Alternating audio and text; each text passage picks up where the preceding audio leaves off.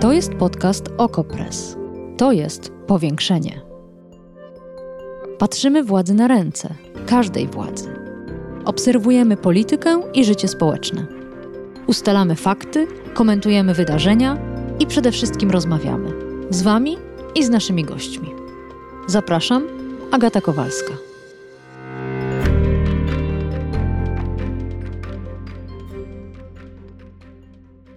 Jeff Bezos, miliarder, właściciel firmy Amazon i firmy kosmicznej Blue Origin, skorzystał z własnej rakiety i poleciał w krótki lot w kosmos. Kilka dni wcześniej to samo zrobił inny miliarder, Richard Branson, właściciel firmy kosmicznej Virgin Galactic. Zabrali ze sobą pasażerów, pierwszych kosmicznych turystów. A mnie te wyprawy w ogóle nie zaciekawiły. Zwykle z wypiekami na twarzy śledzę kolejne misje kosmiczne. Ale tutaj się zastanawiam, czy te dwa loty w ogóle można nazwać misjami? Na ile spełniają one obietnicę składaną nam od lat przez branżę kosmiczną? Obietnicę rozwoju dla dobra całej ludzkości. A może to ja za późno stawiam to pytanie? I to nie te dwie krótkie kosmiczne wycieczki dwóch bogaczy stanowią największy problem. O tym dzisiaj w powiększeniu. Zapraszam.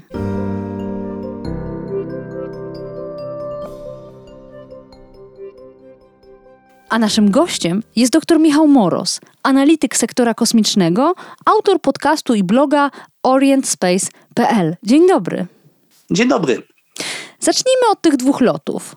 Mam wrażenie, że technologicznie były mniej ambitne niż loty z lat 60. Sheparda, Gagarina czy Glena.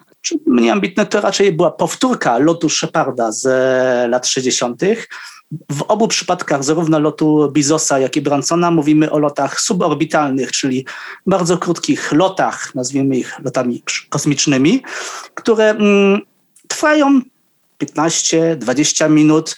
W czasie takiego lotu pojazd wznosi się na wysokość bliskiej umownej granicy kosmosu. Tutaj no, dyskusja o tym e, trwa, czy oczywiście jest to ponad 100 kilometrów, czy może 85 kilometrów. I w takich warunkach widać dokładnie krzywiznę Ziemi. Stan nieważkości trwa około 3 minut. Można sobie chwilę polatać i już lada moment się ląduje. W tym samym miejscu, z którego się startowało, nie okrąża się zatem Ziemi. Nie można mówić o locie orbitalnym.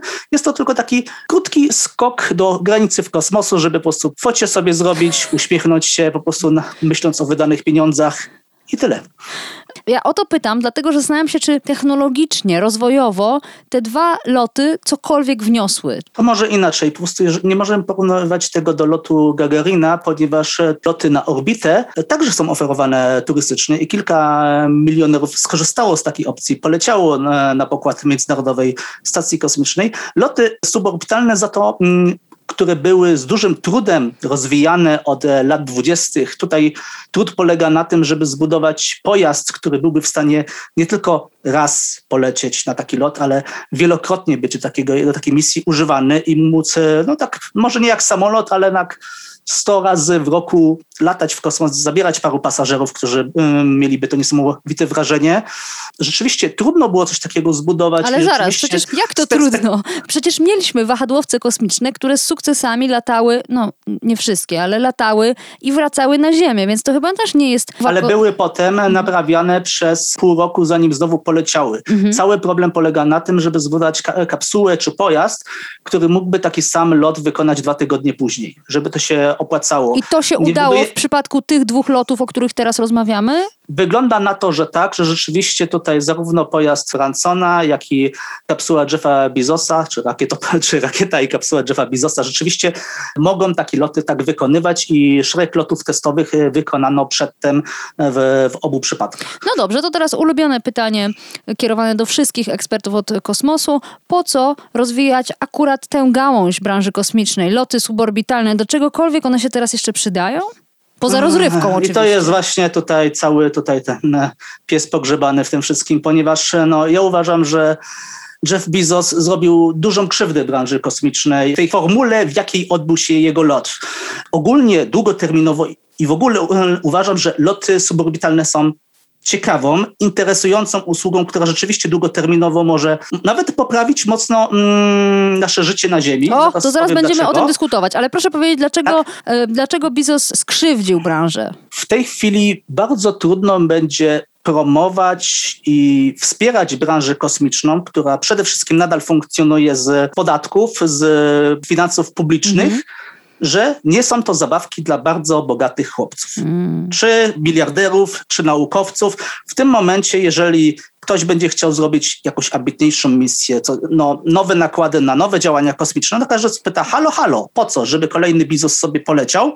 Albo co gorsza, żeby poleciały osoby takie, które były zebrane w tym locie kosmicznym. Tutaj mam mm, bardzo duży zarzut do czwartego uczestnika misji, może nie, bezpośrednio, nie bezpośrednio, tylko sam sposób, jak w tak, nazwijmy to, pionierskiej, czy tak, w takim głośnym wydarzeniu został czwarty kandydat wybrany. Bo mieliśmy tak, Jeffa Bizosa, jego brata, Kim Pionierka awiacji Wally Funk, mhm. rewelacyjna decyzja. Bardzo mi się podobało, że ta pani została wybrana. Rewelacyjna 82-latka, mhm. pilotka, która mogła teoretycznie zostać wybrana na amerykańską astronautkę w tych samych czasach właśnie, co były czasy Gagarina i Glena, tylko z powodów seksistowskich wówczas kobiety nie przyjmowano do tak. astronautów. Tak. Ona długo czekała i kto jak to, jej ten lot na granicy kosmosu się należy. No tak, ale to wiadomo, że to był ruch PR-owy. Naprawdę, e, wspaniały ruch PR-owy. A kim był czwarty pasażer? A czwartym pasażerem była taka ciekawa historia. Blue Origin zorganizował aukcję poleć z Bizosem w kosmos. Nie wiadomo, kto wygrał tę aukcję. Wiadomo, że ta osoba chciała zapłacić aż 28 milionów dolarów, czyli wiele, wiele więcej niż taki lot suborbitalny kosztuje. I w ostatnim momencie zrezygnowała. Nie wiadomo dlaczego. Tak trochę dziwnie to brzmi, skoro data startu była znana i może, że jest. Może grali coś dobrego w kinie, ale ktoś czwarty poleciał. Kto? 18-letni chłopak, którego ojciec jest e, dyrektorem funduszu hedgingowego w Holandii. Jest po prostu bogatym synem bardzo bogatego ojca, który dostał bilet do tak pionierskiego lotu mm. właśnie w ramach prezentu. Ale jaki tu kłopot? Jaka tu różnica między Jeffem Bezosem, który za swoje pieniądze, zresztą o tych pieniądzach też za chwilę porozmawiamy, leci w kosmos i osiemnastolatkiem, który miał szczęście urodzić się w bogatej rodzinie i za pieniądze swojego ojca leci w kosmos? Mam mniejszy problem z tym, że takie osoby będą latały, będą latały, ale jeżeli mówimy o locie pierwszym z Bizosem, takim bardzo pionierskim, no to warto jednak bardziej postawić na jakąś inspirację, że ten kosmos naprawdę dla wszystkich, a nie dla bardzo bogatych no, ludzi. No ale to byłaby to jest, tylko to, fasada. Okay, to jest jedna rzecz, ale to byłaby, druga rzecz. To byłoby pudrowanie rzeczywistości. Może już nawet lepiej, że odbyła się ta aukcja, przykuła no. uwagę tym, że oto można sprzedać lot w kosmos, niż pudrować to właśnie obecnością zasłużonej pilotki chciałabym wrócić do tego, co y, powiedział Pan o lotach suborbitalnych. Ciekawa usługa. No ja wciąż nie do końca rozumiem dlaczego, po co nam one, jaka jest ich funkcja i dlaczego należałoby ją rozwijać. Jest um, taki efekt, który nazywa się overview effect.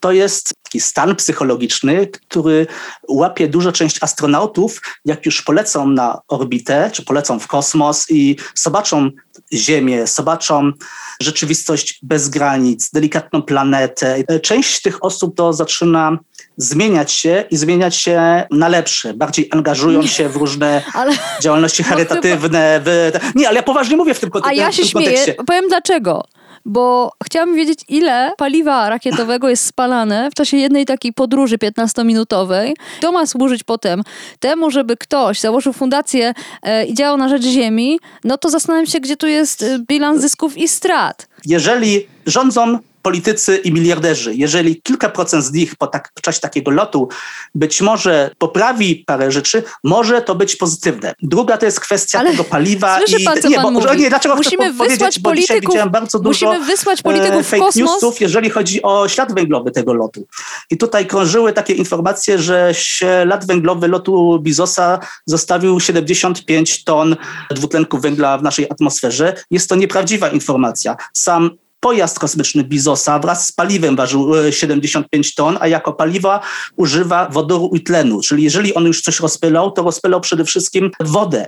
Za to system Bransona jest bardzo toksyczny. Rzeczywiście to powinno być zabronione, ponieważ on stosuje bardzo toksyczne paliwo, które naprawdę może tutaj dużo napsuć. Mhm. Przy czym znowu mówimy o sytuacji, gdzie mamy 100 lotów rakiet na orbitę w tym roku. Nadal to jest tylko malutki promil tego śladu węglowego, jaki generuje branża lotnicza, więc tutaj A cieszę się, że pan o niej wspomniał. nie ma co tak nie ma, nie, ma, nie ma co przesadzać. Ale cieszę się, że pan wspomniał o branży lotniczej, która po latach sukcesów, rozwoju, właściwie całe, cała ziemia się zmieniła, skurczyło nam się planeta dzięki lotom samolotów.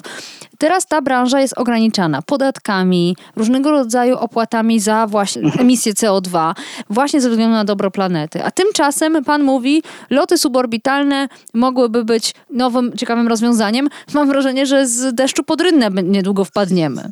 Być może, za to rzeczywiście pojawiły się nawet dzisiaj pomysły nowej legislacji w Stanach Zjednoczonych, żeby za loty suborbitalne także płacić dodatkowy podatek związany z A to e, ciekawe, co na to Jeff Bezos, który jest mistrzem w unikaniu opodatkowania. A propos, może chwilę porozmawiamy o pieniądzach, które sfinansowały ten lot. I tu możemy zacytować samego Jeffa Bezosa, który Dokładnie. po wylądowaniu powiedział: Chciałbym podziękować każdemu z pracowników Amazona i każdemu z klientów Amazona, ponieważ to wy, kochani, zapłaciliście za cały ten lot. I to miał być chyba żart. Mam wrażenie, że pan no. Bezos w kosmosie się zupełnie już oderwał od rzeczywistości i nie zrozumiał, co w tym momencie powiedział no, delikatnie mówiąc, to nie był dobry dzień dla działu komunikacyjnego pracującego z Bizosem. No ale po prostu, no, no koszmar, no ręce opadają i to naprawdę to jest oderwanie od rzeczywistości. Nawet miałbym mniejszy problem, że miliarderzy latają sobie w ten kosmos, ale niech oni płacą podatki. A w momencie, gdy Amazon w Polsce nie zapłacił ani grosza, bo wykazuje, wykazuje straty, donosy o warunkach, w jakim ludzie w Amazonie pracują są koszmarne i niemalże nie, niewolnicze, jest, jest to po prostu no, niecięż, nieciężkiej krwawicy i na ogromnych e, nierównościach zbudowane to ogromne bogactwo, niewyobrażalne bogactwo i to, to jest, jest ten problem. Którym zająć się nie powinna branża kosmiczna tylko państwa, w których Amazon inwestuje i w których nie płaci podatków. Natomiast zastanawiam się, jaka jest różnica między miliarderem, który tworzy firmę kosmiczną i zaczyna podbijać kosmos, a państwem, demokratycznym lub niedemokratycznym, który robi to samo, bo musi być jakaś różnica. Ja ją czuję, ale nie wiem, jak ją nazwać, jak ją uchwycić.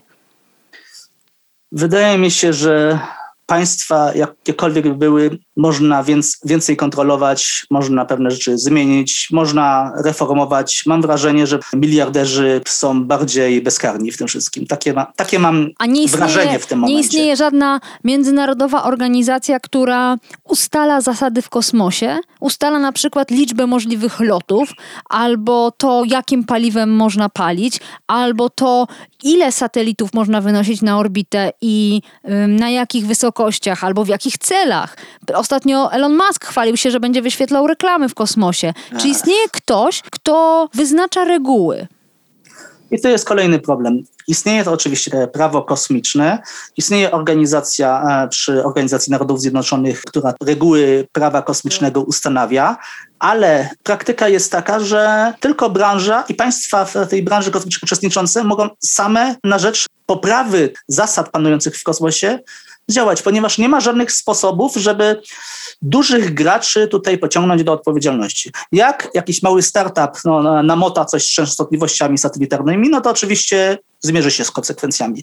Jak Chiny wystrzeliły teraz duży moduł swojej pierwszej mm -hmm. stacji kosmicznej e, tak. Tianhe, no to rakieta nośna, która wyniosła tę stację, latała kilka tygodni na orbicie i stanowiła zagrożenie. Pan próbuje powiedzieć, że nie ma kontroli, że w tym momencie jesteśmy trochę w fazie jak w czasach wielkich wypraw Kolumba i innych, czyli kto dopłynie tego ziemia, kto ma statek, ten decyduje jak się nim płynie i jest to absolutna ha, wolna Amerykanka? Może nie w 100% wolna Amerykanka, ale rzeczywiście tej kontroli brakuje i tylko sama branża może się tutaj sama uregulować. No to... Jeżeli powiedzmy, no, no, no i to jest, to jest ten problem. Kto, kto, pierwszy, ten lepszy. Może z jakimiś firmami, krajami nie współpracować, ale no i właśnie tutaj wracamy do sedna sprawy. Te podmioty miliarderów po prostu czują się bezkarni mm. i mhm. też będą w tym momencie zaśmiecali na, nasz kosmos, sprawiali, że będziemy mieli też no, z sektorem kosmicznym coraz więcej e, problemów i co jak co, no to najbogatsi unikną odpowiedzialności wracając do początku naszej rozmowy, mam problem z lotem Bizosa, który tak pokazuje, że kosmos staje się nie tym dziedzictwem czy zasobem dla całej ludzkości, staje się bardziej taką zabawką dla bardzo bogatych ludzi. Oczywiście nie jest tylko tym, ale taki komunikat się pojawia. Zapytałam też słuchaczy o to, czego oczekują od podboju kosmosu. Pan Marek napisał, że obawia się rozmieszczenia broni na orbicie, a pan Robert ma jedno oczekiwanie, żeby człowiek był zdolny opuścić nasz układ słoneczny, zanim nasza gwiazda zmieni się w czerwonego olbrzyma. Myślę, że powinniśmy się martwić przede wszystkim nie o Słońce, a o Ziemię, ale to już na marginesie. Co pan na to? Broń w kosmosie to jest kolejny duży problem, z którymi będziemy się mierzyć, zarówno w ramach testów broni antysatelitarnej, czy w ogóle sytuacji, gdy doszłoby do tego, że różne państwa czy podmioty niszczyłyby wzajemnie satelity. Ponieważ zniszczenie takiego satelity sprawia, że z egzemplarza satelity nagle mamy powiedzmy 100 tysięcy odłamków, z których każdy porusza się z prędkością 25 tysięcy kilometrów na godzinę albo szybciej. I każdy taki odłamek, jeżeli uderzy w coś innego, to mamy eksplozję granatu. I nowe powstają odłamki. W pewnym momencie może dojść do reakcji łańcuchowej, gdzie rzeczywiście możemy utracić jakiś fragment orbity okołoziemskiej i tym, tym samym nawet na parę dekad loty kosmiczne na taką daną orbitę mogą być prawie niemożliwe, jeżeli nie ekstremalnie utrudnione. A drugie pytanie, jeżeli chodzi o ludzkość i czas naszej gwiazdy, to tutaj mówimy o takich skalach czasowych, że w tej chwili te rozważania będą wyłącznie teoretyczne i. Hmm. Ale to czego pan oczekuje od branży kosmicznej? Żeby branża kosmiczna rozwiązywała problemy na Ziemi, tak jak robi to teraz, żeby robiła to jeszcze lepiej i żeby to robiła w widoczny sposób. To, co mamy teraz, prognozę pogody, obserwacje Ziemi, zarządzanie kryzysowe, nawigację satelitarną, to wszystko są usługi, które bez branży kosmicznej by nie funkcjonowały. Ale jeżeli ktokolwiek myśli, że branża kosmiczna uratuje Ziemię przed zmianami klimatycznymi, to tutaj nie ma na to szans. Ziemia ogarnięta piekłem klimatycznym będzie nadal lepszym miejscem do życia niż Mars. Dr Michał Moros, analityk sektora kosmicznego, autor podcastu i bloga orientspace.pl. Bardzo dziękuję za to spotkanie. Powiększenie. Podcast Okopres. Prowadzenie Agata Kowalska. Podcast znajdziesz na stronie Okopres i w Twojej ulubionej aplikacji do podcastów. Redakcja Okopres działa od 2016 roku. Jesteśmy obywatelskim narzędziem kontroli władzy, obecnej i każdej następnej. Okopres utrzymuje się z Waszych darowizn. Wesprzyj nas, byśmy mogli działać dalej.